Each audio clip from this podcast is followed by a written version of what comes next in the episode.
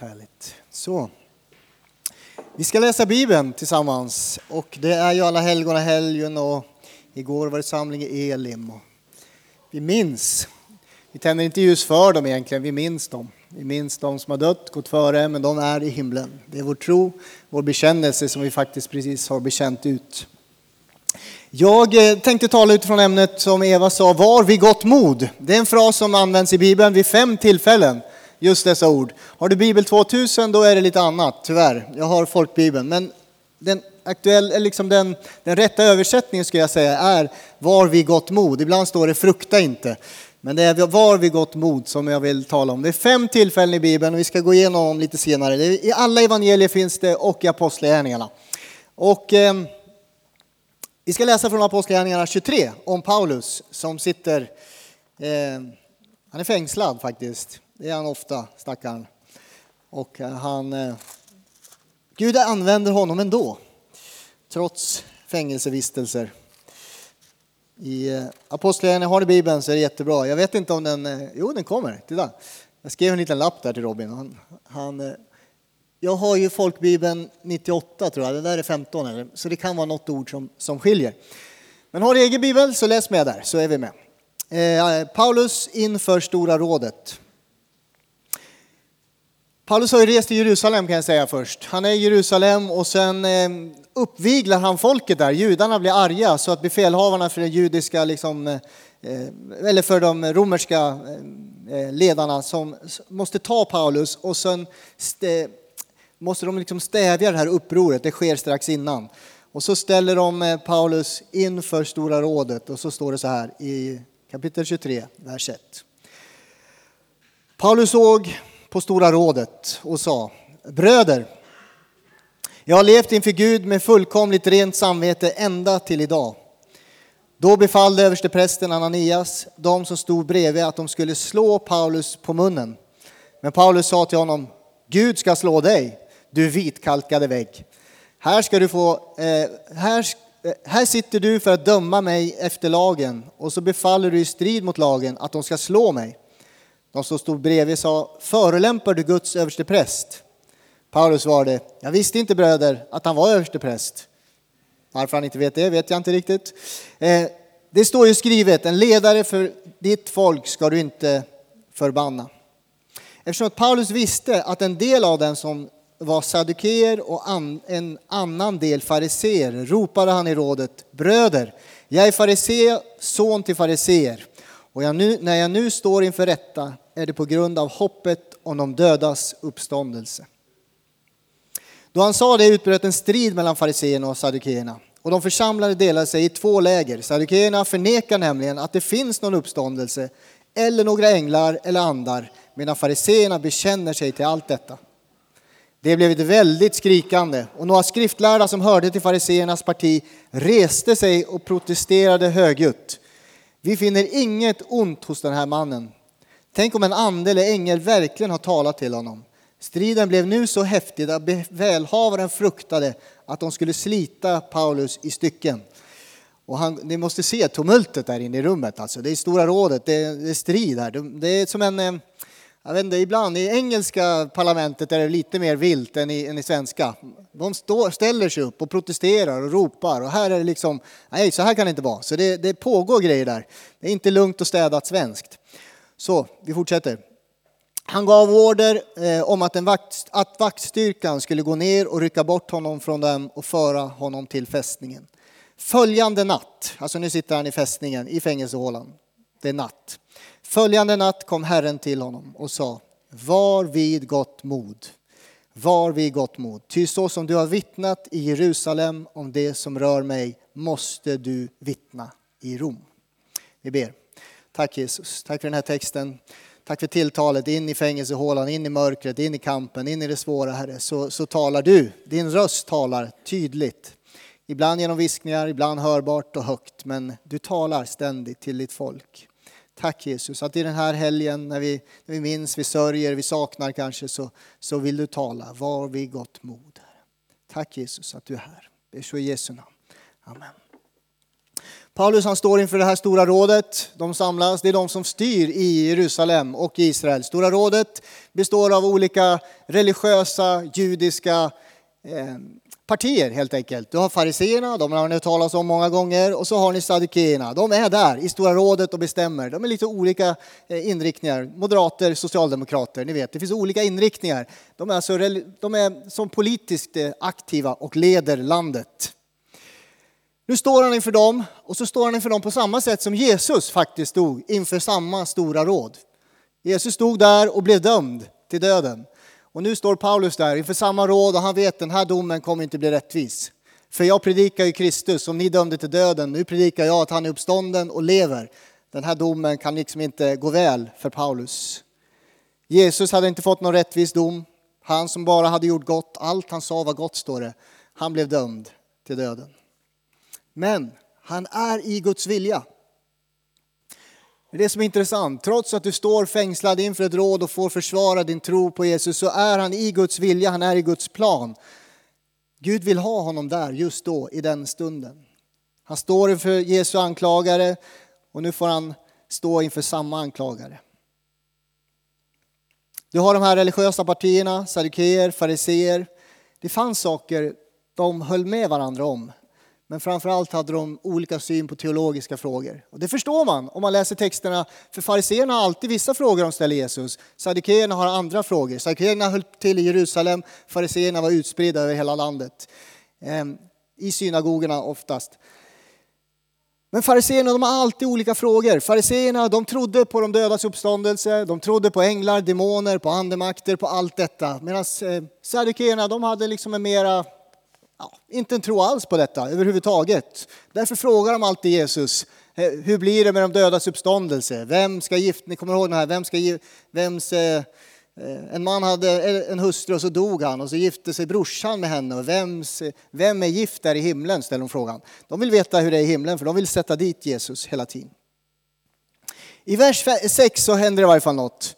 Där står Paulus inför de här grupperingarna och så tänker han hur, hur ska jag komma ur det här tror jag han tänker. Och så kommer han upp med en plan, eh, liksom man kommer på en, en god plan. I vers 6 så står det att han ropar, jag är farisé. Alltså han vädjar ju till fariseerna i gruppen. Jag är farisé, jag är son till en farisé. Jag tänker han har varit fariseer så långt han kan tänka. Hans far för honom, hans far för honom och jag vet inte riktigt hur länge fariseerna faktiskt har funnits. Det får vi slå upp någon gång. Men i varje fall han hänvisar till sitt fariseiska arv och att han tillhör den här grupperingen. Och han står till rätta på grund av att han har ett hopp om de dödas uppståndelse. Det är vårt hopp den här helgen. Att de döda uppstår. Att Jesus har dött, att han har uppstått, att han är den som har gått före. Han är vår förelöpare, står det. Han har gått före genom döden in i himlen. Och så öppnar han vägen för var och en som tror på honom. Att faktiskt när vi dör är vi tillsammans med honom i himlen. Alla dina nära och kära, alla du saknar, alla du sörjer, de är där. Och det är det hoppet som Paulus förkunnar hela tiden. Och så står han till svars för det. Han sår en kil rakt in i det samlade rådet när han hänvisar till att han är farisé. En del vill rädda honom, andra vill döma honom. Och så vänder de sig mot varandra. Det bästa sättet att söndra ett parti, det ser vi nu, Miljöpartiet, det är mycket strider där. Va? Det ser man i andra partier också, KD, det är mycket strider där. Man vill söndra ett parti, vad gör man då? Ja, då slår man lite pilar sådär, kilar och så börjar man strida med varandra istället och så gör man inte det man är kallad till att göra. Så rådet här, de börjar liksom vända sig mot varandra. De är splittrade. Samma sak i en församling ska jag säga. Man sänder och sår kilar in och så vänder man sig mot varann. Och det blir ett väldigt skrikande, det blir höga protester. Några ropar ut, vi finner inget ont hos den här mannen. Tänk om en ängel verkligen har talat till honom. Striden blir så häftig, de sliter i honom. De sliter i honom. Så att den romerska befälhavaren tar Paulus innan de sliter sönder honom och räddar honom in i fästningen, in i fängelsehålan, in i fängelsecellen. Och där, i fängelsecellen, när han sitter där på natten, så viskar Gud till honom. Jag tänker med viskningar, jag tänker Gud. Jag tänker höga rop kanske. Jag tänker att Gud viskar in i mitt liv. Han talar in i mitt liv med lugn, stilla röst. Så viskar han in i Paulus liv. Var vid gott mod. Jag tror att i Bibel 2000 står det frukta inte eller något sånt. Men var vid gott mod. Jag menar, det är lätt för Gud att säga, var vid gott mod. Han sitter på tronen, han är kungars kung, herrars herre, han är på toppen. Det är inte så att Paulus sitter och dricker varm choklad med vispgrädde framför brasan och familjen och allt är mys. Han är i fängelsehålan, det är mörkt, det är dystert, det är tungt och Gud talar, var vid gott mod. Det är inte så att han ligger på en strand och tittar och tar kort på sina fötter. Har ni gjort det? Det gör alla och lägger ut på Facebook. Han ligger på en strand och solar och tar kort på fötterna. Det är inte att han gör några sådana grejer utan han är där i det mörka, i det svåra, i det liksom värsta. Han har slitit ont. Han har lidit i många år. Och så säger Guds röst, ty som du har vittnat om mig i Jerusalem ska du vittna om mig i Rom. Gud är alltså inte färdig med honom. Gud har mer kvar. Det känns som att han vill bryta upp, att han är less, jag orkar inte mer. Eh, han säger det till och med på några ställen i sina brev. Jag längtar efter att få bryta upp. Jag längtar efter att få lämna det här livet och vara med min frälsare i himlen. Han längtar efter himlen. Han har det med sig. Ändå säger Gud, nu är du fängslad, det är som mörkast. Var vid gott mod därför att du har fler saker kvar att göra. Alltså samma kallelse som Gud talade över hans liv. När han kallade honom, vad sa han då? Kommer ni ihåg det? Du ska vara mitt vittne, du ska vara mitt redskap, du ska vittna om mig för hedningar. Det var hans kallelse och den gällde fortfarande när han sitter där och tänker nu är det nog över snart, jag orkar inte mer. Det är inte konstigt om han tappar sugen. Det finns många tappade sugar, sa Karl Olof Hultby. Kommer du ihåg det? Det var roligt tyckte jag. Och jag kommer fortfarande ihåg det. Jag vet inte när det var. Längtanserie var det. Han predikade om många tappade sugar i församlingen. Det är sant. Så många som tappar sugen. Man var engagerad, man var liksom på gång, man var i tjänst, i sin kallelse, i flödet liksom i Guds favör på något sätt och sen tappar man sugen för någonting händer. Jag tänker Paulus, han kunde tappa sugen många gånger. Nu sitter han i fängelse, less. Helst längtar han efter att bryta upp. Och så kallar Gud honom, viskar in i hans liv. Kallelsen gäller än. Du ska vittna om mig från Jerusalem till Rom. Var vid gott mod, viskar han. Som jag sa, de här, grejerna, de här orden sägs, det här uttrycket sägs fem, vid fem tillfällen i Bibeln, i alla evangelier. I Matteus evangeliet 9 och 2, eh, då för man en lam man till Jesus. Och när den lame mannen kommer till Jesus så säger Jesus, var vid gott mod. Hur kan han vara vid gott mod? Han ligger lam. De får bära dit honom. Han har väl ingenting att vara glad eller känna gott mod över. Allt är ju liksom värdelöst. Men de bär honom till Jesus och Jesus säger, var vid gott mod, dina synder är förlåtna. Lever du i synd? Du kan vara vid gott mod, du kan få förlåtelse från synd. I Markus eh, 6.50, lärjungarna kämpar mitt ute på sjön, det är motvind. De är på Genesarets sjö, det är motvind, vågorna går höga, de ror över från andra sidan därför att Jesus hade befallt dem att ni ska ro över till andra sidan. Om Jesus har befallt borde det vara medvind, sköna kuddar i båten, allt vore toppen. Man borde bara fara över, bara farten. Nej, det är motvind, det är tufft, de ror, det är jobbigt. Och så kommer Jesus gående till dem och så säger han, var vid gott mod. Var inte rädda. Samma uttryck, fast det står var inte rädda i många bibelöversättningar. I Lukas 8.50, Jesus möter Jairus dotter, hon, eller inte, han möter Jairus och hans dotter ligger för döden. Och så kommer någon och säger, din dotter är död, det är ingen idé att besvära Jesus. Då säger Jesus, var vi gott mod. Om hon är död, ja, men vad har vi gott mod. Märkliga ord. Men han har besegrat döden. Han har makt, han är herre över liv och död. I Johannes 16.33 står det så här, i världen får ni lida. Det är till oss. Och så säger Jesus, men var vid gott mod. I den här världen är det fruktansvärt mycket lidande och även vi som är kristna får lida. Men var vid gott mod för jag har övervunnit världen. Och så sitter Paulus i fängelset och det är femte gången det här sägs. Och så har jag redan berättat det, men så säger han, mitt barn var vid gott mod. Idag behöver en del av er höra de här orden, att du behöver vara vid gott mod du är nedstämd av någon anledning så är det tungt i ditt liv. Eh, och så säger Jesus gång på gång, var vid gott mod. Din sjukdom har drabbat, det är tufft just nu. Var vid gott mod. Han kan hela dig. Du är mitt i stormen, mitt i kampen och så säger Guds ord, var vid gott mod. Du har dödsångest, du är i lidandet, du är i fängelset och Herren säger, var vid gott mod. Du har tappat bort det i kallelsen, du vet inte var du är på väg. Var vid gott mod. Du lider just nu, kanske för Kristus. Då säger Jesus, i den här världen får vi lida, men var vid gott mod. Ibland händer svåra saker oss trots att vi inte har gjort något fel. Paulus har lidit för Kristus gång på gång på gång. Han har inte gjort något för att förtjäna detta. Ändå är han där. Ibland händer svåra saker trots att du inte har gjort något fel. Och ändå kan det ingå i Guds plan. Kom ihåg det. Ändå kan det ingå i Guds plan. Paulus, du ska vittna om mig från eh, Jerusalem till Rom. Och i kapitel 24, då förs Paulus till Caesarea, en annan stad där långt upp i norr. Där får han vittna inför landshövdingen Felix. Fortfarande fängslad, men han vittnar inför landshövdingen. Sen i kapitel 25 så vittnar han inför Festus, en annan landshövding. Och Festus han bjuder på fest och så kommer kung Agrippa. Och så säger han så här, du ska få vittna inför kung Agrippa. Så vittnar han även där i kapitel 25 inför kungen. Och så fortsätter det att han kommer ända till Rom och så får han vittna inför kejsaren Nero. Den kejsare som faktiskt eh, raserar hela Jerusalem långt senare. Han står inför kejsaren, precis det som Gud har sagt. Han är fängslad hela tiden, han är i husarrest, eh, han är i svår kamp säkert. Och så säger Gud, du ska fortsätta vittna om mig vad jag än för dig. Och så sker det om vi följer Apostlagärningarnas kapitel för kapitel. Och vi vet inte om en enda människa kommer till tro. Du ska göra det här, du ska vittna om mig, du ska stå upp för mig.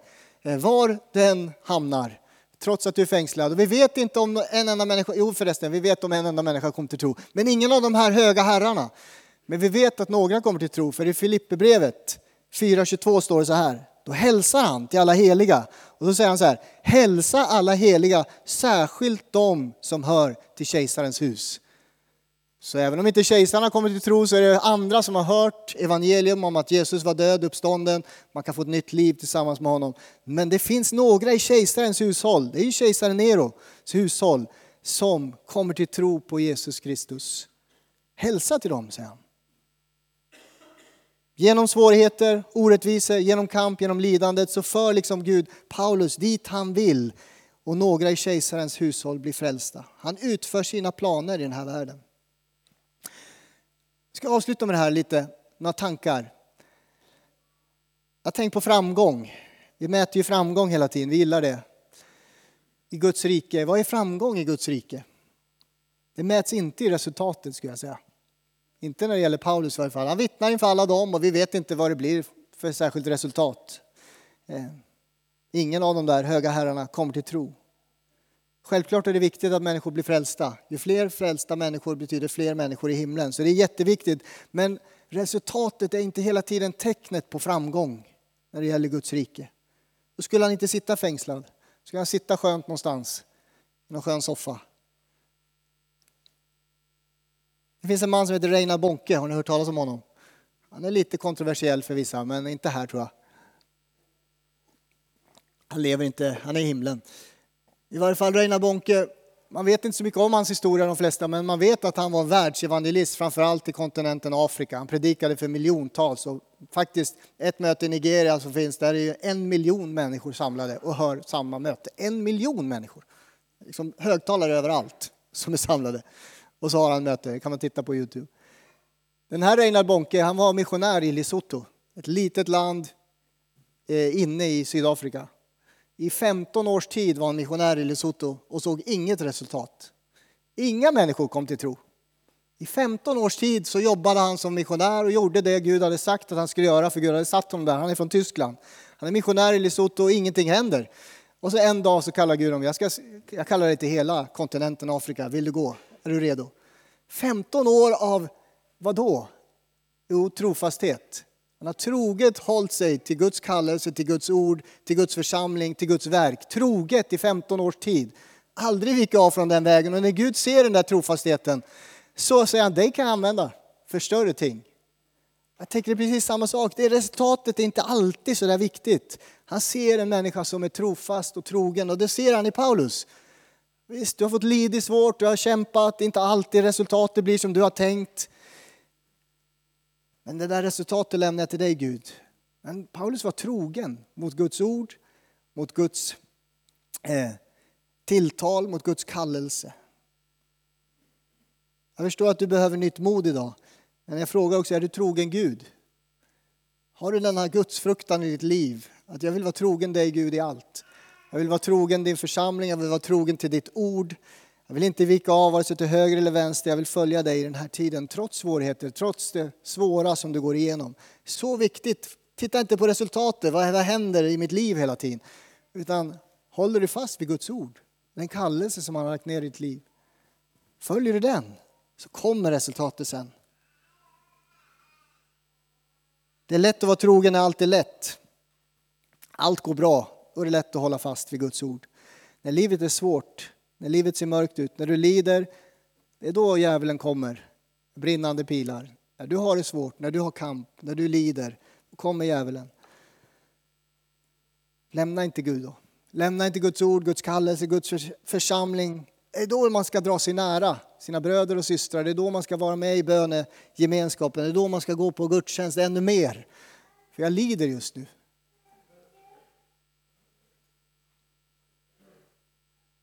Så kommer Guds ord.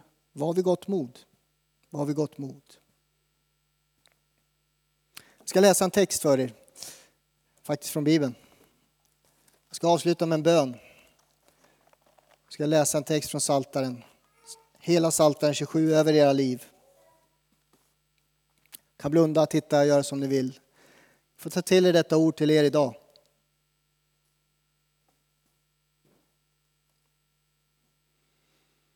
I psalm 27 står det så här. Herren är mitt ljus och min frälsning. För vem skulle jag frukta? Herren är mitt försvar. För vem skulle jag vara rädd? När de onda kommer emot mig och vill uppsluka mig, mina motståndare och fiender, då ska de själva stappla och falla. Om en här belägrar mig fruktar ej mitt hjärta. Om krig bryter ut mot mig är jag ändå trygg. Ett har jag begärt av Herren, det längtar jag efter, att få bo i Herrens hus alla mitt livs dagar för att se Herrens ljuvlighet och betrakta hans tempel. Ty han håller mig gömd i sin hydda på olyckans dag. Han beskyddar mig i sin boning. Han för mig upp på klippan. Nu kan mitt huvud höja sig över mina fiender runt omkring mig. Jag vill offra jublets offer i hans hydda. Jag vill sjunga till Herrens ära och lova honom. Hör, Herre. Jag höjer min röst och ropar. Var mig nådig och svara mig. Mitt hjärta tänker på ditt ord. Sök mitt ansikte. Ja, ditt ansikte, Herre, söker jag. Dölj inte ditt ansikte för mig. Driv inte bort din tjänare i vrede som du har varit min hjälp. Släpp mig inte, överge mig inte, du min frälsningsgud. Om än min far och mor överger mig tar Herren emot mig. Visa mig, Herre, din väg. Led mig på jämn stig för mina förföljares skull. Överlämna mig inte åt mina ovänners illvilja, ty mot mig uppträder falska vittnen som andas våld. Jag är viss om att få se Herrens godhet i de levandes land. Hoppas på Herren.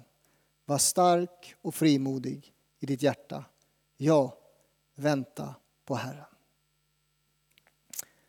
Tack Jesus för ditt ord idag, Herre. Tack för ditt tilltal in i våra liv, Herre. Tack att du talar till oss och säger vad vi gott mod i den här tid vi lever i, Herre. Vi ser vad vi går igenom var och en, Herre personlig kamp, lidande, svårigheter, sjukdom, förlust, saknad, kris, Herre. Tack Jesus att du talar in i var och ens liv, var vi än befinner oss, var vi än sitter just nu, Herre. Så säger du, var vi gott mod. Jag ber att vi i vår församling först och främst vill hålla oss troget fast vid dig, Herre. Nära dig Jesus vill vi leva, nära ditt ord, i ditt ord, Herre. I ditt tilltal i, i den här tiden, Herre.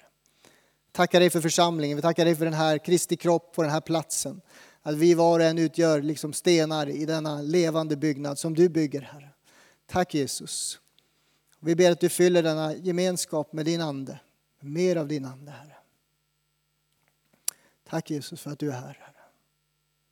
Tack att du är här, Herre. I Jesu namn. Amen. Amen. Lovsångsteamet, varsågoda.